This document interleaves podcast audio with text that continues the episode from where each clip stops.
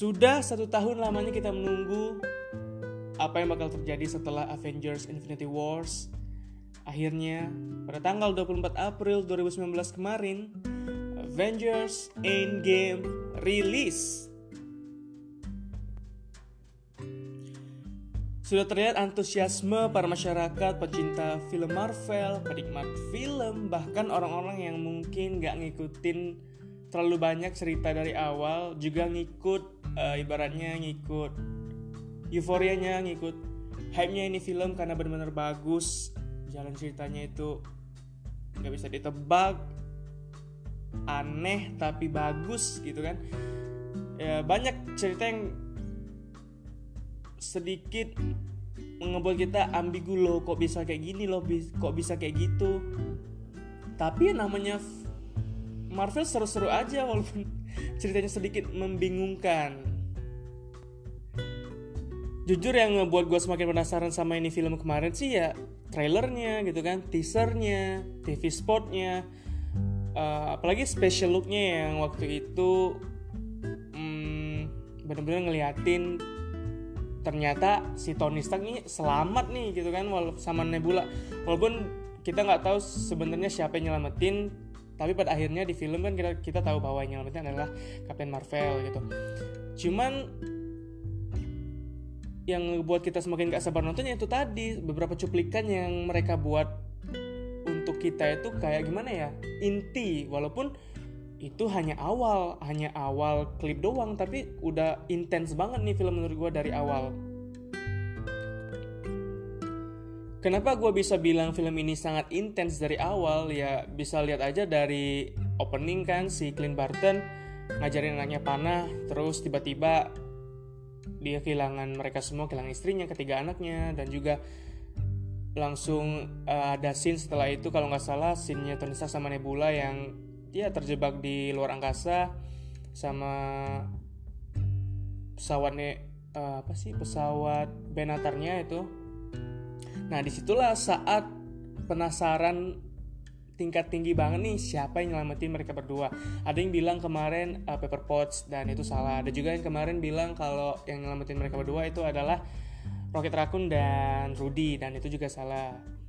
Ternyata uh, yang yang nyelamatin adalah Captain Marvel. Mungkin dari sinyal yang dikirim oleh Tony Stark sehari sebelum atau beberapa, enggak sehari sebelum sih beberapa jam setelah dia tertidur dan mungkin itu udah sampai di Pepper Potts yang ya siapa tahu si Pepper Potts udah ada di markasnya Avengers kan? Karena terlihat ketika mereka sampai mereka disambut oleh uh, Captain America Steve Rogers, Natasha Romanoff, terus disambut oleh Hulk sama Bruce Banner itu sama ini kalau nggak salah sama Rudy. Dan yang terakhir ternyata di spot yang kosong itu adalah Pepper Potts gitu. Dan benar-benar kayak wah mereka ternyata bisa balik lagi dan Pepper Potts ternyata nggak hilang karena debu gitu. Dan keintenance dari film itu tersebut juga terlihat dari mereka beberapa Avengers itu uh, Thor, Carol Danvers, Rudy, terus juga si Nebula, terus kalau nggak salah siapa ya? Gue lupa. Ya Natasha Romanoff Black Widow. Itu pergi ngunjungin Thanos di pulau Titan 2 Titan 2 ya? Ya setahu sih Titan 2 dan bisa dilihat di situ intensnya mereka langsung nyerbu langsung ngebunuh itu kan? Nyergap ngebunuh si Thanos. Si Thor menggal kepalanya Thanos dan menurut gue sih bener-bener intens gak ada basa-basi lagi untuk istilah ngobrol segala macem. Istilah mau cari Thanos lagi ke mana-mana. Tapi walaupun di situ Thanosnya mati tetap aja nggak bisa mengubah nggak bisa ibaratnya mengembalikan orang yang udah hilang karena Infinity Stone-nya udah dihancurin sama dia. Maka dari itu sih ya mereka sedikit kecewa. Hmm, usaha yang udah mereka lakukan usaha yang udah mereka beri untuk bisa ngembaliin setengah dari populasi yang sudah hilang itu ya sia-sia aja walaupun harus sudah mati. Dan di sini menurut gue sih uh, yang sangat berperan besar dalam keberhasilan para Avengers adalah si tikus. Karena bayangin aja kalau tikus itu nggak lewat di mobilnya Scott Lang ya mungkin Ant-Man nggak bisa keluar dan nggak bisa masih tahu bahwa Quantum Realm ini bisa ada sedikit peluang gitu untuk mengembalikan keadaan yang udah terjadi itu ngembaliin 50% populasi di dunia. Bahkan ketika Steve Rogers hmm, Scott Lang dan Ned itu datangi Tony Stark Tony sedikit kayak udah menyerah udah nggak mau berurusan lagi sama namanya ya bisa dibilang menjadi sosok seorang Iron Man gitu kan karena dia udah punya keluarga udah punya anak si Morgan Stark yang sangat lucu banget. Mungkin itulah salah satu faktor dia kenapa dia milih untuk hold dulu udah gue mau fokus sama keluarga mungkin gitu kan. Tapi setelah kayaknya dia ngelihat foto si Peter Parker sedikit tergugah hatinya karena anak ini kayaknya nggak punya salah nggak punya apa tapi dia harus menghilang gara-gara gue gitu kan jadi mungkin itu yang ngebuat Tony Stark sedikit terpicu dan akhirnya dia mencari tahu apakah alatnya bisa menstabilkan yang namanya time travel. Dan ya finally kita bisa lihat di film bahwa dia berhasil dan dia datang ke markas gitu kan markas Avengers. Sama sama Kapten Steve Rogers bahwa ada sebuah kesempatan untuk kita mm, ngembalikan keadaan yang ada gitu. Walaupun memang time travel ini udah banyak banget uh, di film-film yang lain tapi kayaknya di MCU time travel ini sedikit berbeda deh, karena memang aneh aja ketika mereka berhasil time travel gitu kan mengunjungin beberapa uh, beberapa kejadian yang mungkin bisa mereka ubah, bisa mereka ambil batunya. Karena memang tujuan dari time travel ini kan ngambil Infinity Stones dikumpulin dan snap lagi terus 50% populasi itu kembali lagi kan memang itu tujuan yang harusnya kan walaupun akhirnya dikembaliin biar nggak ngerusak timeline yang ada. Cuman di sini uh, eh, MCU ngebuat time travel ini menjadi sebuah timeline yang berbeda. Sehingga apa pun yang terjadi di masalah itu nggak ngubah apa yang udah terjadi di masa depan. Jadi kayak sedikit membingungkan sih. Apalagi ketika si Rogers ketemu sama dirinya sendiri dan bertarung itu bener-bener kayak lo kok bisa ya? Dan bingung juga ketika gue nonton pas Loki kabur ngambil Space Stone lah itu gimana ya kelanjutannya? Kan Space Stone-nya diambil. Pada akhirnya di, mereka berdua si Tony Stark sama Steve Rogers balik lagi ke tahun 1970 untuk ngambil Space Stone itu di markasnya Shield kalau nggak salah. Terus beberapa perubahan di karakter juga kayaknya gue sedikit heran dan terkejut aja sih ketika Natasha Romanoff itu ternyata mati di film ini. Karena jujur gue waktu sebelum film ini rilis yang gue bayangin adalah yang mati adalah Iron Man ataupun Steve Rogers gitu kan. Tapi MCU berhasil kayak nutupin clue bahwa Natasha ini bakal mati nantinya bakal gak akan kembali lagi di film Endgame ini. Walaupun pada akhirnya nanti mau ada film solo tapi itu kan prequel jadi itu cerita masa lalu. So sedikit mengejutkan dan mengecewakan sih kok. Mati. Gue kira kan adegan dia sama Clint Barton ada sedikit surprise. Apakah dia hmm, nipu Red Skull ataukah mungkin ada yang dateng gitu kan mereka dorong dan gue nggak tahu. Sedikit terkejut ketika ternyata yang mati antara mereka berdua. Dan itu sebuah kehilangan yang besar sih menurut gue bagi MCU bagi pencinta Marvel penikmat film yang nonton Endgame itu. Terus juga perubahan dari badan Thor yang ternyata selama lima tahun itu dia hobi minum dia hobi makan mantap aja di rumah badan jadi gempul kayak gempul apa sih? Gempal gitu kan gimana ya sed, uh, bisa gitu ya Marvel buat cerita kayak gitu. Kan lucu ketika superhero jadi buncit jadi gempal kayak itu kan. Terus perubahan uh, Profesor Hulk juga sangat keren sih menurut gue walaupun ya walaupun di film gak dijelasin kayak mana dia berubah dalam lima tahun itu apakah ada semacam eksperimen lagi ataukah mungkin nanti ada film Hulk 2 yang nyeritain hal itu. Cuman Profesor Hulk kayaknya uh, gak terlalu kuat deh. Ibaratnya kalau misalnya ya kalau misalnya yang lawan Thanos pada pada saat final battle adalah Hulk bukan Profesor Hulk. Gue yakin sih banyak banget peran besar yang dipegang oleh Hulk. Cuman ketika Hulk menjadi Profesor Hulk ada sedikit kekurangan menurut gua kekuatan yang dimiliki oleh Bruce Banner itu berkurang gitu kan. Dia kayak lebih nyimpen tenaganya kayak lebih bingung mau nyerang kayak gimana. Walaupun memang keren banget ketika dia ya bisa komunikasi gitu sama Hulk gitu. Menjadi sebuah gimana ya pribadi yang baru gitu Profesor Hulk. Terus juga gue shock banget ketika Pepper Potts ternyata ikut perang di final battle dan itu keren banget. Semua superheroes yang hilang balik lagi malah nambah pasukan gitu kan. Para pasukan Wakanda dan juga pasukan dari Doctor Strange gitu kan. Ikut perang di final battle itu dan itu keren banget bener-bener epic bener-bener amazing gitu. Yang bikin merinding sih di final battle itu apalagi pas Captain America Steve Rogers berhasil megang palunya Thor. Wow itu bener-bener kayak semua orang di bioskop pada tepuk tangan pada wuh pada kayak gitu. Dan memang sih itu scene yang bener-bener gimana ya bener-bener nggak disangka akhirnya terjadi gitu kan. Memang di sebelumnya di Age of Ultron kan dia berhasil sedikit menggeser itu palu.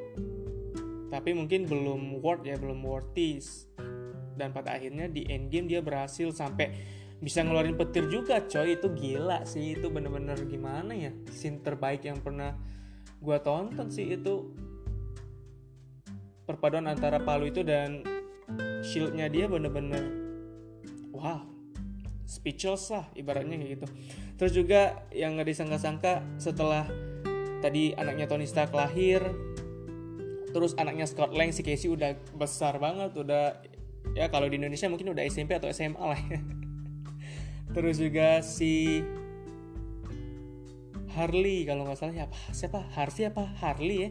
Yang di Iron Man 3 itu anak bocah laki-laki itu kan waktu pemakaman Tony Stark dia datang dan mungkin apakah memang itu teka-teki dia menjadi penerusnya Tony Stark ataupun si Morgan Stark jadi Iron Heart? Itu kan apakah nanti si Harley jadi Iron Lad? Ya nggak tahu itu kita patut tunggu aja sih film Marvel selanjutnya itu gimana kelanjutannya. Cuman banyak beberapa scene yang tadi gua bilang sangat tidak diprediksi sangat tidak disangka-sangka menakjubkan amazing gitu kan. Dan gue paling suka itu scene yang si Steve Rogers bisa ngendaliin palunya Thor bener-bener epic. Nah ngomongin masalah endingnya nih ya uh, jujur gue ada sedikit kekecewaan ada sedikit penyesalan kok endingnya kayak gini. Walaupun gue nggak tahu ya apakah memang teman-teman di luar sana uh, menilai bahwa ending ini adalah sebuah ending yang fair ataupun memang ending ini adalah sebuah ending yang memang harus dilakukan gitu kan. Tapi jujur gue pengen banget endingnya itu Thanos mati itu bener-bener dibunuh bukan jadi debu dan aduh kenapa lah ya Thanos tuh gak ditusuk aja atau gak gimana lah di kayak ending di awal kayak si Thor menggal palanya maksud gue kayak gitu nah. Tapi nggak terjadi itu malah malah endingnya dia ngilang matinya jadi debu dan ya nggak seru banget gitu kan ngebunuh villainnya jadi debu doang gitu cuman di snap doang. Terus juga uh, yang gue sesalin sih Tony Stark Iron Man berkorban mengorbankan dirinya dan ya kita, kita bisa tahu kan buat teman-teman yang udah nonton pasti tahu kalau dia yang meninggal berkorban karena efek dari Infinity Stone itu mungkin kan. Kekuatannya nggak cukup untuk menahan beberapa uh, kekuatan dari Infinity Stone itu bisa dilihat dari Hulk yang juga tangannya ya cukup parah cederanya kan setelah jentikan pertama untuk ngembaliin mereka semua. Maksud gue kenapa sih kayak gimana ya ngebunuh karakter udah habis kontrak itu ya udah jangan dia mati ya udah dia tua aja hidup sama anaknya hidup sama istrinya Pepper Potts gitu kan lebih gimana ya lebih enak aja dikenangnya tuh. Tapi mungkin di sini Marvel pengen ngebuat sebuah pengorbanan yang sangat besar gitu kan untuk kemenangan yang besar juga. Ya mungkin dengan cara itu lah dia membuat si Tony Stark mati itu dari efek Infinity Stone tersebut. Dan juga uh, ending yang gua sesalin adalah ketika Steve Rogers milih pensiun coy. Milih pensiun dia. Setelah berhasil megang palutor dan aduh kenapa ya? Maksud gue kayak dia udah bisa megang tuh senjata nam, nambahin senjata dia sama apa sih kekuat, kekuatan dia kan bisa manggil petir tuh. Gila banget sih itu. Bayangkan kalau dia ada di masa depan ya kekuatan Avengers kayaknya lebih kuat lagi. Cuman kan lagi-lagi karena kontraknya Steve Rogers eh kontrak Steve Rogers kontraknya si Chris Evans ini habis ya dibuatlah dia kayak gitu endingnya. Gue pengennya sih sebenarnya harapan gue sebagai penonton dia tetap ada tetap ada di MCU karena dia berhasil megang itu palu. Nggak tahu kenapa faktor gue pengen dia ada itu karena dia berhasil megang palunya Thor itu itu aja sih harapan gue kayaknya seru kan kalau dia ke depannya nanti ada karakter yang ada karakter ada kekuatan tambahan gitu di di Avengers. Tapi ya ya udahlah ya. Uh, mungkin itulah salah satu caranya lagi dari Marvel untuk menghilangkan karakter Captain America yang bisa dibilang udah berubah. Akhirnya dipegang oleh Sam Wilson si Falcon dan gue belum ngebayangin kayak gimana nanti dia jadi Captain America walaupun memang di komik dia adalah penerusnya Steve Rogers kan. Cuman gue masih kayak belum ngebayangin dia mimpin ini Avengers kayak gimana kan karena kecepatannya ya kayaknya memang lebih cool Steve Rogers gara-gara itu serum kan. Cuman nggak tahu apakah lebih seru nanti ketika Captain America bisa terbang kayak Falcon. Patut ditunggu sih gimana cerita kelanjutannya. Gua kemarin sempat mikir wah ini kayaknya yang gantiin Steve Rogers si Bucky nih tapi ternyata Marvel nih tetap ngikutin alur komik. Ya udahlah nggak bisa nggak bisa disesali juga karena kayaknya seru juga sih nanti kalau si Sam Wilson jadi Captain America. Nah yang gue penasarannya kok nggak nggak diceritain gitu uh, kayak gimana si Rogers ngembaliin proses dia ngembaliin beberapa batu itu pada tempat semula? Apakah nanti memang ini adalah sebuah teka-teki? Ada Captain Amerika yang keempat kan nggak tahu semoga aja. Dan kayaknya seru sih kalau itu diceritain kan? Terus uh, yang gak gue sangka yang sempat gue dengar katanya si Chris Hemsworth juga habis kontrak si Thor. Tapi pada ending film dia nyerahin kekuasaannya ke Valkyrie dan dia ngikut Guardian of Galaxy. Terus dia kayak ngomong kayaknya ini bakal jadi Asgardians of Galaxy deh. Dan menurut gue sih itu mungkin adalah sebuah clue untuk adanya Thor 4 dan kabar-kabarnya sih memang ada Thor 4 dan patut ditunggu juga mungkin di Golden of Galaxy Volume 3 dia bakal ada dan seru sih seru-seru.